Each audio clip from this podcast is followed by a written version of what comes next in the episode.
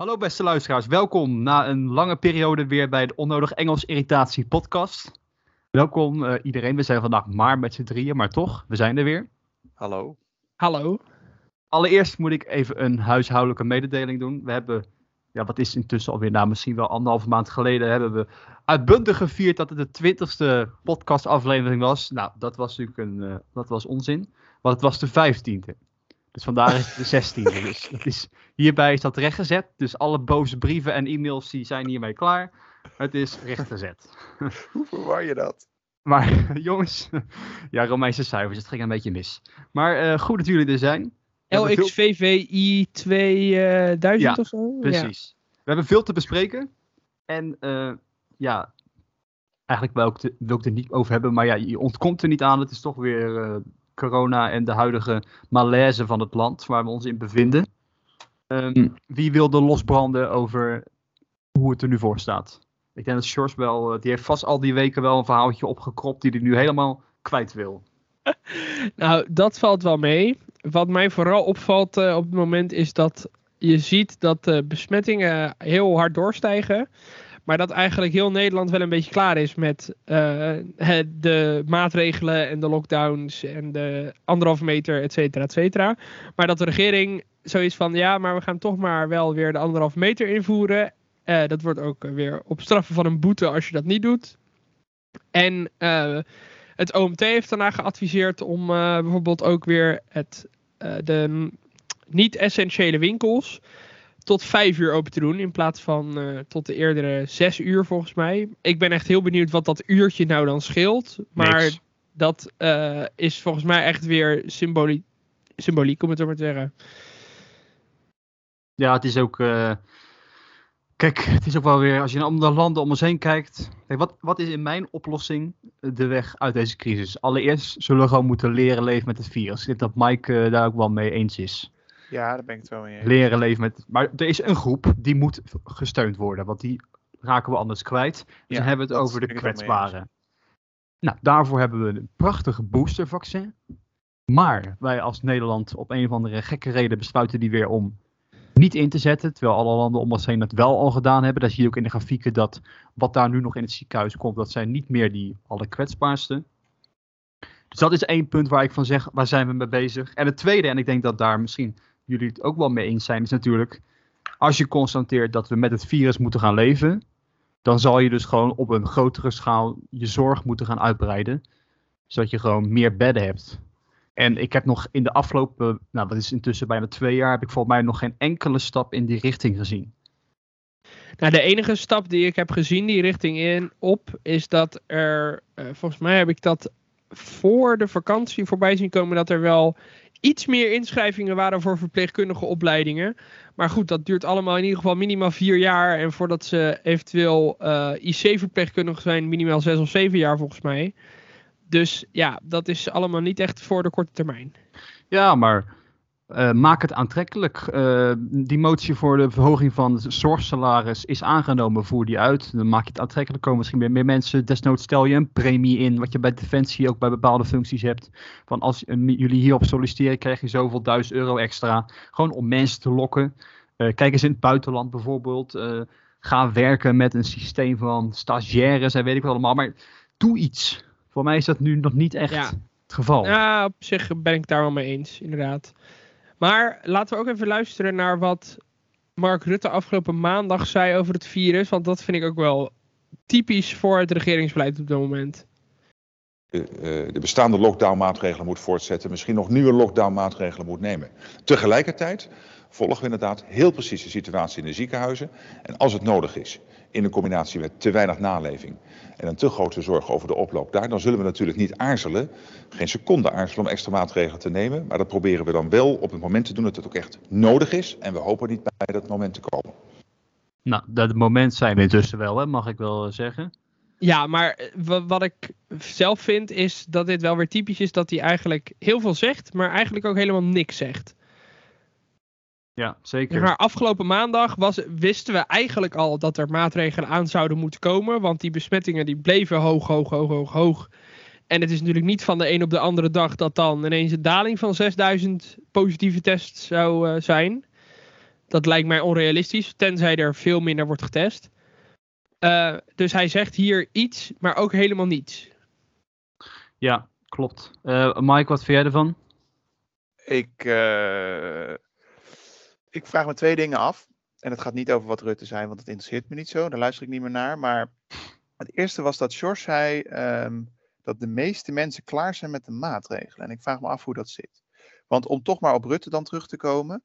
Volgens mij is het, het overheidsbeleid omtrent corona vanaf de eerste dag erop gericht om de populariteit van de regering te vergroten. Volgens mij is dat de enige doelstelling die de regering heeft. Om zijn eigen populariteit te vergroten door een beleid te voeren waarvan zij denken van nou, als we dit doen, dan volgen ze ons in ieder geval. En dan uh, komen wij goed uit de bus. En volgens mij is alles politieke tussen, spel tussen de OMT en de regering, eh, ligt ook allemaal is in dat licht te zien. En alle communicatie naar de burgers toe is ook allemaal in dat licht te zien. En als het dan gaat over dat we een gebrek hebben aan zorgmedewerkers, dan zou dat juist het struikelblok moeten zijn van die hele politiek die erop gericht is om de populariteit van de regering te vergroten. Want waarom gaat het nou steeds fout? We hebben niet genoeg zorgmedewerkers en dat is de schuld van Mark Rutte. Ja, en dat is op het waar. moment dat de rest van het land zich dat gaat beseffen, is die man eindelijk een keer echt weg. Want het is ook, ja, daar even op aan te haken, dat is wel een heel terecht punt. En uh, dat zie je ook wel in de debatten. Hè, want er zijn bepaalde partijen, inderdaad op rechts, maar ook op links, PvdA en zo, die, die kaarten dat steeds aan in het coronadebat. Die zeggen dan van ja, meneer Rutte, onder uw tien jaar beleid is wat, nou, ik weet de getallen even niet, maar er zijn zoveel ziekenhuizen gesloten en er zijn zoveel mensen vertrokken en de salarissen zijn ingekrompen. En... Komt allemaal door de privatisering in de zorg in theorie. Ja. Maar daar wil, wil hij dan niet over, daar wil dan de VVD en ook een beetje D66 en zo, die willen daar dan niet over praten. Hè? Dan is het van, ja, dat is allemaal van later moment. Eerst uh, de crisis nu, dat is allemaal van later moment. Ja, maar het hangt natuurlijk samen met de crisis. Ja. En de, de, uh, de enige logische conclusie volgens mij uit die hele coronacrisis is dat we moeten gaan zeggen, nou, dat liberalisme van de VVD, dat moet je echt niet willen. Nee. Dat je daarop stemt, dat is echt debiel geweest. Dat we tien jaar, man die macht aan, die man aan de, tien jaar lang die man aan de macht hebben gebracht en gehouden. Dat is een van de grootste fouten die we ooit hebben gemaakt. Het heeft gigantische schade aan ons land aangericht. Ja, en dan, maar dan toch, om dan ook gelijk door te gaan op het volgende thema, van de, dat het haakt wel bij aan de, aan de formatie. Als we naar, naar de huidige peilingen kijken, dan, dan zien we toch niet dat, dat, dat idee wat jij schept van dat als het doordringt bij de rest, maar dat is kennelijk nog niet doorgedrongen, want de Rutte staat nog steeds, ja, een zeteltje of 1-2, maar hij daling. Daalt. Maar ja, en waarom geen... daalt hij? Hij daalt omdat hij de belangen van zijn eigen kiezers uh, aan het verlogen is. Hè? Dus hij ja. daalt omdat die VVD'ers, die geven geen reet om de rest van het land.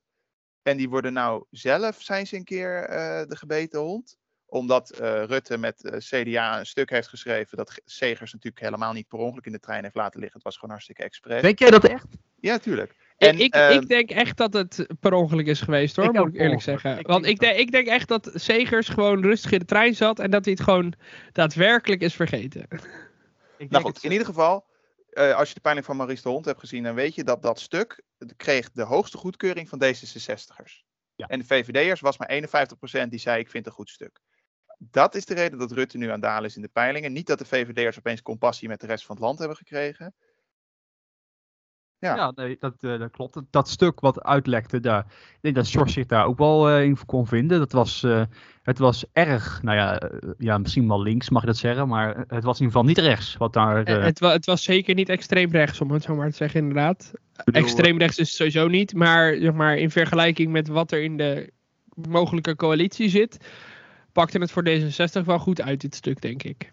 Ja, uh, dan ik toch ook een vraag om even bij die peilingen te blijven die Mike noemde van Maries. Van uh, ja. D66 min 8, hè? Uh, hoe, hoe, verklaar jij dat? Ehm, ik verklaar dat eigenlijk vooral vanuit het feit dat er heel veel mensen hebben gestemd op D66 vanwege Sigrid Kaag en haar belofte vanwege over nieuw leiderschap. En dat ik denk dat heel veel mensen nu toch zien dat dat toch niet helemaal terecht komt zoals zij hadden verwacht dat het terecht zou komen, uh, zeg maar.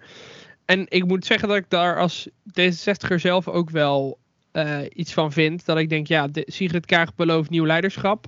Maar gaat vervolgens nu wel met dezelfde coalitie om tafel zitten. Uh, dat is nou niet echt nieuw leiderschap. Ja. Mike, hoe verklaar jij die min 8 bij D66?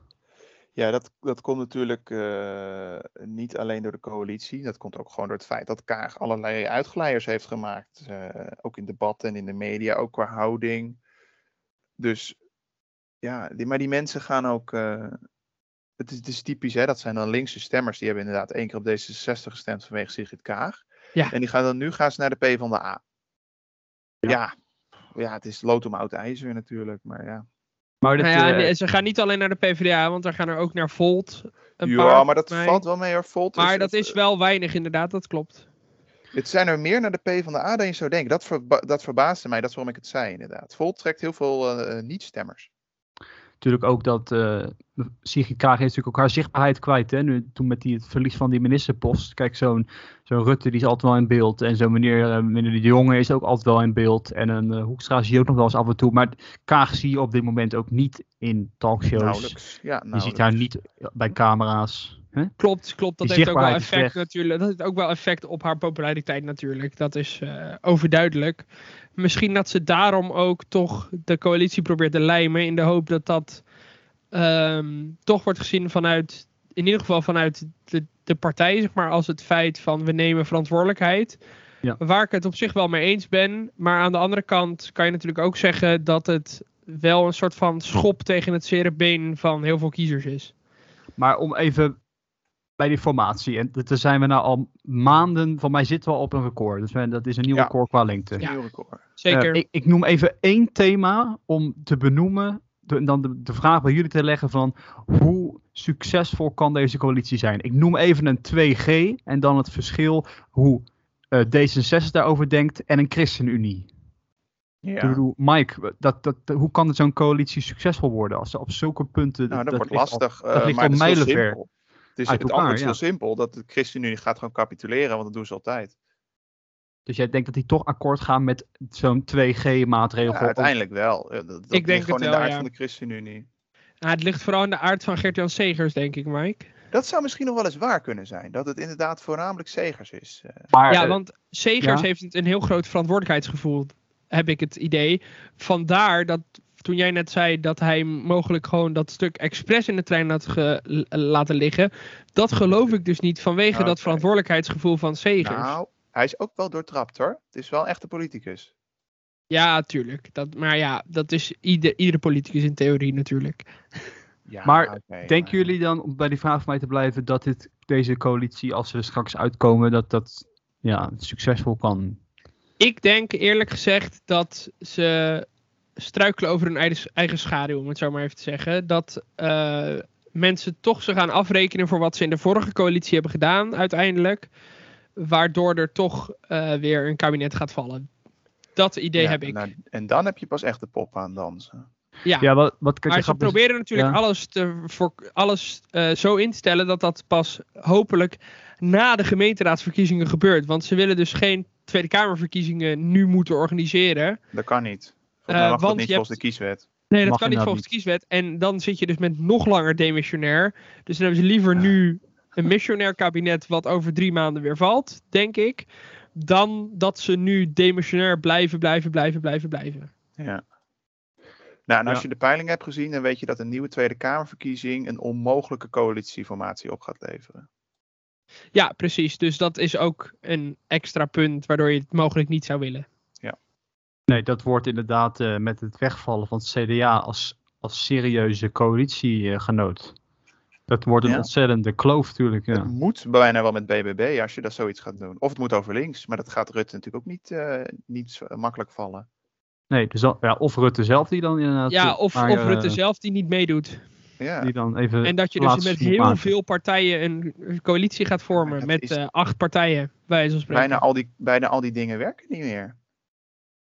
Nee, zeker. Dat is, uh, maar ja, we, we, wachten, we wachten rustig af. Ik moet wel zeggen dat uh, ja, hoe langer dit duurt, des te meer de legitimiteit van wat er ook gaat komen straks voor kabinet, dat is al helemaal weg. Het duurt gewoon zo lang. Hè?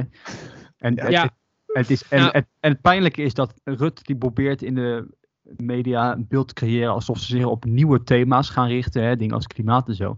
Maar het zijn gewoon de oude thema's die ze blijven achtervolgen. Wat jij ook zei, Sjors. Zo'n toeslagenaffaire, dat blijft doorrotten. Zo'n uh, ja. uh, zo'n aardbevinggebied in Groningen, dat blijft doorrotten. Dat, die, al die boeken zijn dat niet gesloten. Dus dat, dat, dat, ja, dat, ik zie de kansen van dit nieuwe kabinet zie ik heel erg klein, uh, klein in. Ik ook. En als je dan bedenkt uh, hoe het er in het parlement nu aan toe gaat, haha, bruggetje naar het volgende onderwerp, denk ik. ja, um, dat het in het parlement gaat het er heel hard nu aan toe, omdat je ziet dat partijen als uh, Forum en PVV gewoon echt er hard ingaan op dit moment. Ja, leg maar even dan uit de shortste context. Ja, uh, nou. je zoekt naar, je zoekt naar één woord. Ik denk eigenlijk dat uh, Mike het het beste uh, kan uitleggen. Of we laten eerst het fragment horen. Wat denk jij, Mike? Nou, ik denk, uh, Sjors, dat jouw tijd nog wel komt. Er komen tribunalen. Laat het fragment maar horen. Luister goed. Het is walgelijk, voorzitter. Walgelijk dat Nederlanders in eigen land door de eigen overheid worden vertrapt. Maar gelukzoekers uit Afrika en achterlijke Midden-Oosterse zandbaklanden door diezelfde overheid worden vertroeteld. Het huidige Nederlandse immigratiebeleid is eigenlijk één grote misdaad tegen het Nederlandse volk. En zij, jullie dus ook hier allemaal, die dit zelfhatende beleid niet stoppen. Jullie zouden allemaal voor een tribunaal gedaagd moeten worden. En verantwoording moeten afleggen voor jullie misdadige, open grenzenbeleid. Want jullie maken Nederland helemaal kapot. Laten we dit gewoon niet doen. De woorden komen intimiderend over. Wat u, u richt uw woorden richting de zaal, richting collega's. Doe dat niet. Ik doe echt een beroep op u en een aantal collega's ook. U heeft het niet nodig. Mevrouw de voorzitter, het verontrust mij dat het de heer Markensauer niet wordt toegestaan om hier zijn idee voor een tribunaal te, toe te lichten. Zodra hij dat woord in zijn mond neemt, zet u zijn microfoon uit. En dat vind ik zeer zorgwekkend, want in dit huis moeten volgens mij alle ideeën en alle opvattingen, alle overtuigingen openlijk besproken kunnen worden. Ja, um, ik heb hier wel wat over te zeggen. Allereerst, dat wil ik wel eens horen, ja. Al, allereerst uh, even meneer Markenzonen van de PVV, die is altijd al van een beetje provoceren. Hè? Dus dat is ook wel uh, voor mensen die hem niet kennen. Ik, bedoel, ik heb het wel eens vaker horen debatteren als het gaat over het buitenlandse zakenbeleid. Doet hij volgens mij in criminaliteit van de PVV die thema's zoekt hij, dan is hij altijd wel wat extreem. Maar hij zoekt de randjes altijd op. Ten tweede, um, kijk, FVD heeft natuurlijk vorige week met die termen het nieuws gehaald. Hè? Dus dat, uh, ze hadden weer even de ophef, die hadden ze even aan hun zijde. Ik vind het een beetje flauw dat PVV dat nu probeert te kapen. Door ook steeds dat woord tribunaal expres te noemen. Want dat, was een, dat, dat, dat was, hoorde een beetje bij FVD. Dat proberen ze gewoon te kapen. Maar dan wil ik nog iets zeggen over die term zelf. Kijk, die term zelf die is natuurlijk in de Tweede Kamer heel vaak genoemd. Als het gaat ook om tribunalen in Den Haag, of over Cambodja, of tribunaal, of uh, tribunaal van Joegoslavië. Je hebt er heel veel. En dan, dat nu opeens te zeggen van je mag die term absoluut niet meer noemen, dat, dat vind ik ook weer een beetje overspannen reactie van, uh, van iedereen, zo maar te zeggen. En nu geef ik het woord aan Mike, voor zijn mening. Nou, ik vind het grappig dat de PVV inderdaad de noodzaak voelt om uh, dat woord te herhalen. Ja. Dat geeft dus aan dat FVD blijkbaar een uh, soort van metapolitieke invloedrijke rol heeft op rechts. Zozeer dat de PVV, die toch altijd redelijk soeverein was, hè, die dubbel het aantal stemmen van FVD heeft gehaald de afgelopen verkiezing, toch dus de noodzaak voelt om daar navolging aan te geven. Ja, dat, is al waar. Wat Dat ik is wel opvallend. even als uh, toevoeging wil geven op Mark, Hm. is dat uh, de term tribunaal, als in spreken over de tribunalen van Joegoslavië, et cetera, is wel iets anders dan zeggen dat de Kamerleden die nu in de Kamer zitten voor een tribunaal zouden moeten Ja, maar ik heb het ook over de Eerste Kamer. Want dan zei meneer Bruins van de VVD, de voorzitter daar, die zei ook weer van, we mogen, die zei, we mogen de term tribunaal niet meer noemen in dit huis. Dat, nou, dat, dat vind ik Ja, een beetje nou, dat, dat, dat vind ik inderdaad overdreven. Maar ik snap de reactie van Vera Bergkamp in dit fragment bijvoorbeeld wel. Uh, want het is natuurlijk wel gewoon wat Vera Bergkamp zegt. Het is wel gewoon een bedreiging van Kamerleden. Uh, die zelf ook wel graag gewoon vrij uit willen spreken. En niet uh, dan daarna de impressie moeten krijgen van. Nou, de PVV of FVD die Ja. zouden wel eens rare dingen kunnen gaan doen. Waardoor we niet meer veilig zijn in deze Kamer. Kijk, toen meneer Van Houwelingen daar vorige week de primeur mee had, dat was inderdaad niet chic. Dat was hoe hij dat toen zei tegen uh, Sjoerd Sjoerdsma, zei hij dat tegen volgens Ja. mij. Daar zat inderdaad, dat was gewoon in de emotie, in de boosheid, dat was niet chic. Daar had hij ook, dat, dat vind ik dan weer typisch, daar had hij gewoon excuses voor aan kunnen bieden. Dat heeft hij voor mij niet of half gedaan. Hij heeft voor mij een boek, een boek aan hem gegeven of zo. Maar dat was gewoon niet chic, want iedereen zag dat hij iedereen, ja, iedereen zag dat, het, dat hij dat ook gewoon in de emotie deed. En dat was niet chic. Kijk, dat dan nu de PVV daarmee aan de haal gaat, dat vind ik ook, wat Mike zegt, dat vind ik ook gewoon raar.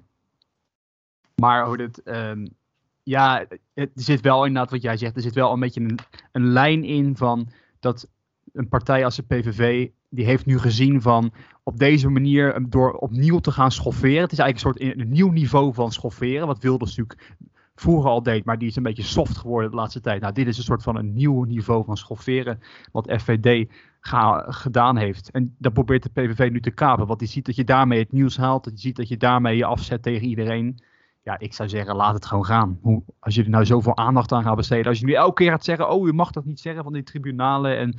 Ik denk nou dat als je er creëer je een wolk van aandacht. ja, ik denk als je er constant zout op legt, dan, uh, dan heeft het, dan gaat het zijn doel zeg maar een soort voorbij vanuit het parlement. De enige reden dat Marcus Oden dat aan het eind van zijn verhaal zegt, dat expres dat tribunalen, jullie gaan dan voor het tribunaal komen, is omdat hij weet dat iedereen dan over gaat vallen en dat alle artikelen er weer over vol staan en dat zo'n uh, Bergkamp wel moet reageren, want anders gaan mensen weer zeggen dat zij zwak is. Dus ja, zij heeft ook weinig keus natuurlijk. Maar dat is de enige reden waarom hij het doet. Dus dan zou ik zeggen van, laat het gewoon, negeer het gewoon, ja. We hebben de ophef gehad toen de eerste vorige week bij uh, Van Houwelingen, maar gaat het nou niet elke week doen. Wat ik ook wel vind, om gewoon even op het onderwerp van FVD te blijven, is uh, dat het met die Tweede Wereldoorlog vergelijkingen, dat verhaal begint ook steeds interessanter te worden. Ja, we leggen even de, de context daarbij. Want... Nou, dus FVD maakte ten opzichte van het coronabeleid de vergelijking met nou ja, de jodenvervolging. De eerste fase, ik hoor heel vaak nog steeds het, het verhaal dat de FVD het over de holocaust heeft, dat is niet waar. Het gaat over de fase van uitsluiting die daaraan vooraf ging. En de, reactie erop was, oh, je mag geen vergelijking met de Tweede Wereldoorlog maken.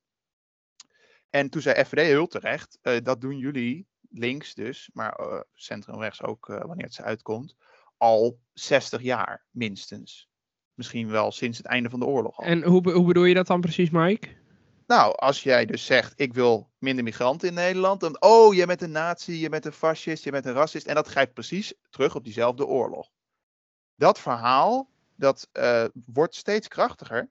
Want de, ik weet niet meer welke krant het was, het Parool, dacht ik.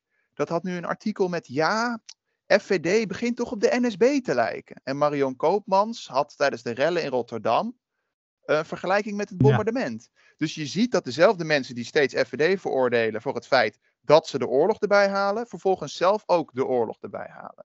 Wat natuurlijk, ja, dat wisten we eigenlijk al, maar ze, ze bewijzen het ook nog in het gezicht. Zeg maar. Ja, maar het is natuurlijk wel zo dat uh, de vergelijking met uh, jodensterren, om het zo maar te zeggen, dat het vaccinatiebewijs gelijk staat aan jodensterren.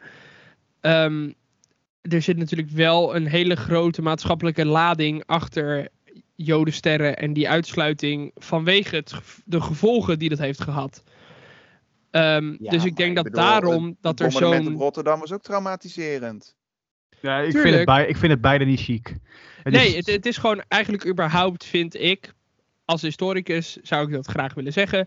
Gewoon überhaupt maak geen vergelijking met He, Iedereen, niet uh, zulke vergelijkingen met het verleden. Dat is anachronistisch en dat moeten we gewoon niet willen.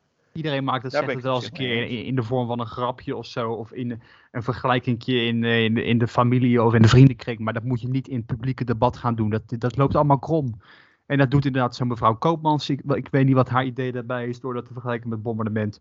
Maar inderdaad ook Baudet met zo'n foto van, uh, wat was het ook weer, van Joden die tegen een hek aan stonden of zoiets. Zoiets was het, hè Mike? Ja, maar het, het was ook dat, dat er ook... FVD'ers, zeg maar, zelf een soort Jodenster-achtige dingen gingen maken. Ja. Die ze dan gingen dragen omdat ze niet gevaccineerd waren. Kijk, dat soort dingen vind ik gewoon niet, niet kunnen. En dat, dat begint allemaal inderdaad bij wat we net zeggen. Maak gewoon niet zulke vergelijkingen. Ik denk dat daar uiteindelijk veel ja, beter van wordt. De werkelijkheid is natuurlijk dat die vergelijkingen al 70 jaar onderdeel zijn van het publieke debat. Ja. Dat is gewoon zo. Dus ja, ik, vind ook, niemand... ik zou ook liever zien dat ze verdwijnen, maar dat, ze gaan niet verdwijnen. Nee, alleen het is wel een uh, kanttekening. De manier waarop uh, Forum het doet met social media, dat is wel nieuw daar, daarin. Hè? Hoe bedoel je? Dat, uh, nou, vroeger wat, nou, zo vergelijk je, dat was wel eens een keer op, op een journaal of zo in een boek. Maar nu wordt er op social media gezet, zo'n plaatje van Baudet. En dat bereik is gewoon erg groot, toch? Dat moeten we wel nou, toegeven. Dat is helemaal niet waar. Ik bedoel, de, nee, vind je van het, het, vergelijken van uh, Pim Fortuyn met Hitler gebeurt ook gewoon in de krant. Oké, okay, nou dan, uh, dan heb jij daar helemaal gelijk in. Ja, nee, maar ik, het is wat Shorts zegt ook, het is, uh, het is aan beide kanten gewoon... ja, ik, ik, de, ik denk dat van beide kanten gewoon niet chic is om dat gewoon te doen. Uh, dus ik denk dat het beste zou zijn als ze allebei zouden stoppen. Maar ik denk dat Mike ook wel gewoon een punt heeft dat het uh, lastig is om dit uit het publieke debat te verwijderen. En laten we dan gewoon hopen dat mensen iets meer verstand gebruiken dan uh, zomaar ergens iets te gaan roepen. en ook een beetje te kijken naar de historische impact van bepaalde zaken. Ja, ja helemaal mee eens.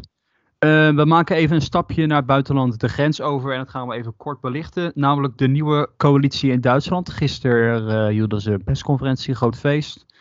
Um, de stoplichtcoalitie. De stoplichtcoalitie, want waarom is het een stoplicht? Nou, rood, rood. van de SPD, geel van de ja, FDP. FDP.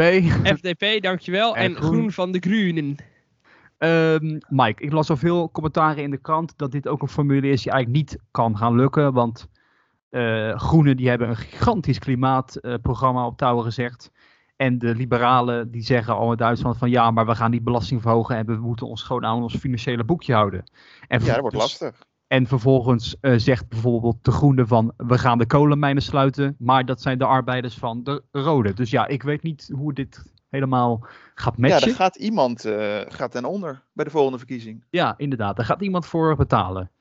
Ik denk uh, dat, uh, nou ja, ik weet het niet. Maar ik denk dat de groenen het zwak staan. Omdat Duitsland is toch ook wel het land van... Het werk. De economie. Het, het, het moet, werk, het moet ja. blijven draaien. Je moet aan de arbeid blijven. En uh, de Duitse economie, de Duitse auto-industrie, dat soort dingen. Dat, dat is toch het eerste waar ik aan denk. En dan heb je dus die FDP. Dat zijn, die zijn daarvoor. Maar die, die SPD, die is daar ook wel voor. Hoor. Die vinden dat toch wel heel belangrijk als je die debatten hebt gezien. Ja. Dus ik denk dat de groenen uiteindelijk uh, het slechtst eruit gaan komen. Uh, Shorts, heb jij nog toevallig even gekeken, want het groot klimaatplannen uh, van, van de groenen, en wij zijn natuurlijk alle drie mm -hmm. ook van het klimaat, dat, dat weten we intussen wel.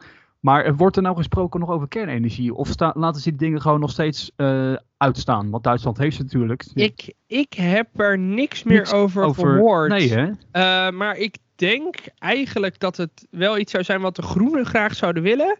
Nee, maar ik denk nee, juist dat, niet. Denk ik, of uh, niet tegen. willen, nee, sorry. Dat wat de SPD zou willen. SPD zou willen, inderdaad. Maar wat de Groenen dus een stokje voor steken, denk ik. Ja, ik ik denk het ook. Want Duitsland heeft ze gewoon. Het is eigenlijk gigantisch. Ja, staan ze uit? Ja, ze staan uit. Staan dat uit. is wel heel dom. Merkel heeft ze, wat is het, een jaar of acht geleden heeft ze gesloten toen... Uh, ja, toen ja, ja, klopt. In Duitsland een soort van, opeens een, een soort van nieuwe stroming kwam van anti-kernenergie. Uh, naar aanvolging ook van uh, Fukushima en zo, dat soort in oh, Japan. Ja, dan zijn mensen even tijdelijk bang en dan... Ja, toen zijn ze allemaal uitgezet. Dom. Maar, dit, ja, ik, maar, maar wat wel weer knap is, dat ze het zo snel hebben gedaan. Ja, dat is toch uh, twee maanden of zo. Toch mooi, uh, toch snel gelukt. Daar kan Nederland wel een voorbeeld aan nemen. Zeker. Um, even heel snel over, klimaat, over uh, het klimaat en kernenergie trouwens. Ik ja. zie wel dat er in Duitsland wel discussie over is. Over bijvoorbeeld hoe schoon klimaatenergie is. Dus het leeft er wel.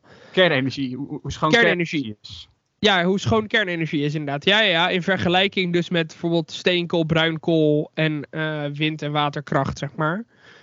Uh, en dan weten we natuurlijk dat kernenergie daar een beetje een middenmoot in is. Uh, die wel veel minder dan bruinkool en steenkool uitstoot. Maar wel weer, zeg die kan meer dan windenergie en zonne-energie. Ja, ja, bij dat kernenergie. Bij kernenergie is natuurlijk altijd gewoon de vraag van wat doe je met afval. Ja, en ten precies. tweede is, uh, waar zet je het neer op een plek dat mensen zich ermee gemakkelijk voelen. Dus niet midden in een woonwijk bij wijze van. ja, nou laten we dat vooral inderdaad niet doen. maar uh, ja, ik, uh, ik ben benieuwd.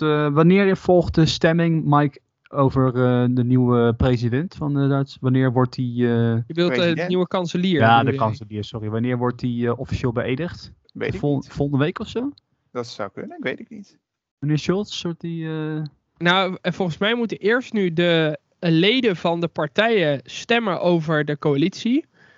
Dus over het coalitieakkoord, om het zo maar te zeggen. En daarna wordt Scholz eventueel pas beëdigd als kanselier. Dus dat kan ah. nog wel eens duren tot januari voordat er een ministerploeg sta ministersploeg staat en Scholz dus daadwerkelijk kanselier wordt.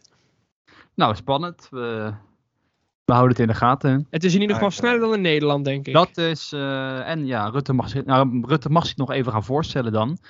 En dan zegt hij erbij van, uh, ik ben niet lang meer je collega. Ik, uh, ik verdwijn binnenkort. in juni. Ik stop in juni, ja. Wat, wat, wanneer, wanneer heeft hij zijn record nou? wanneer is hij de langzittende premier, Rutte? Oeh. Want daar aast hij altijd op, hè? Dat, Goeie vraag. Er zijn veel mensen die zeggen dat hij, daarvoor, dat hij daarop ook op aast, op, die, op dat record. Even kijken, we gaan even. hier ook wel eens beweerd, toch? Dat hij dat, ja, ja dat heb ik wel eens beheer, beweerd, onder, onder andere. Um, even op dan. Mark uh... Rutte die heeft nu 11 jaar en 41 dagen erop zitten. En ik weet niet wanneer dit Wikipedia-artikel is bijgewerkt.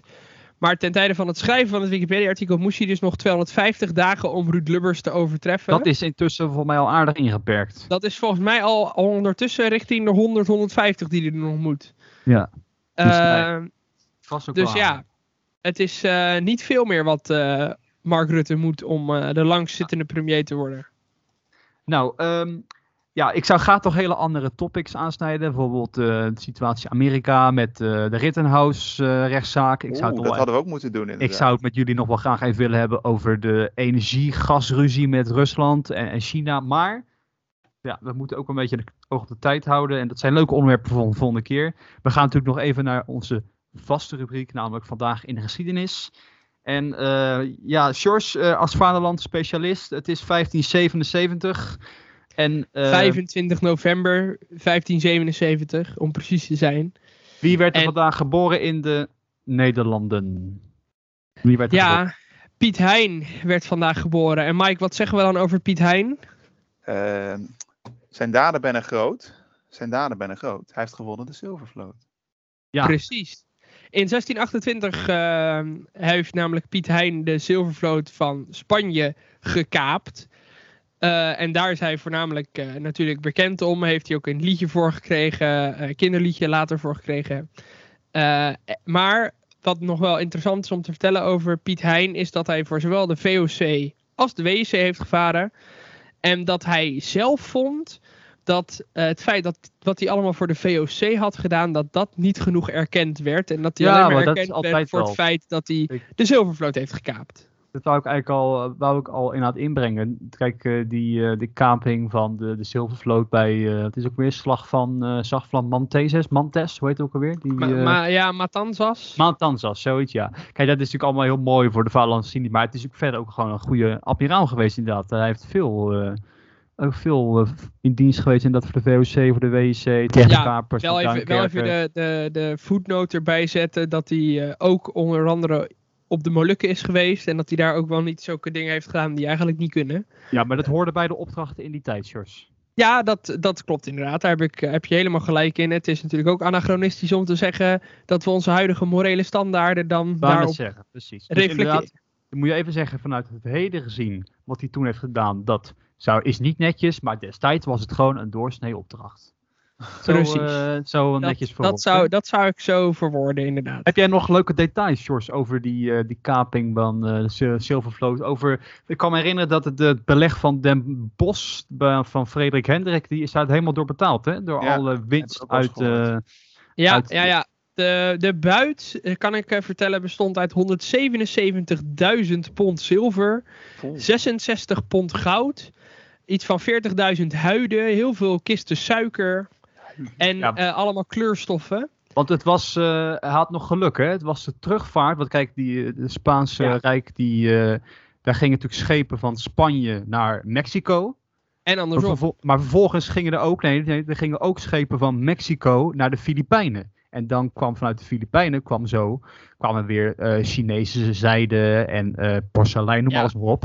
En dit was een, een, een, een schip die vervolgens weer van toen weer in Mexico weer terugging naar Europa. Maar hij was dus naast uh, uh, het zilver en goud uit Mexico en het Spaanse Zuid-Amerikaanse deel, was hij dus ook gevuld met prachtigheden die kwamen uit Azië.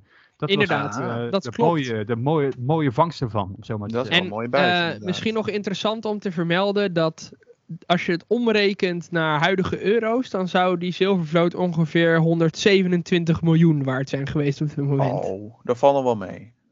Nou ja, Ja, daar kan maar- je wel het hele beleg van Den Bosch dus blijkbaar mee dat is financieren. waar, dat is waar.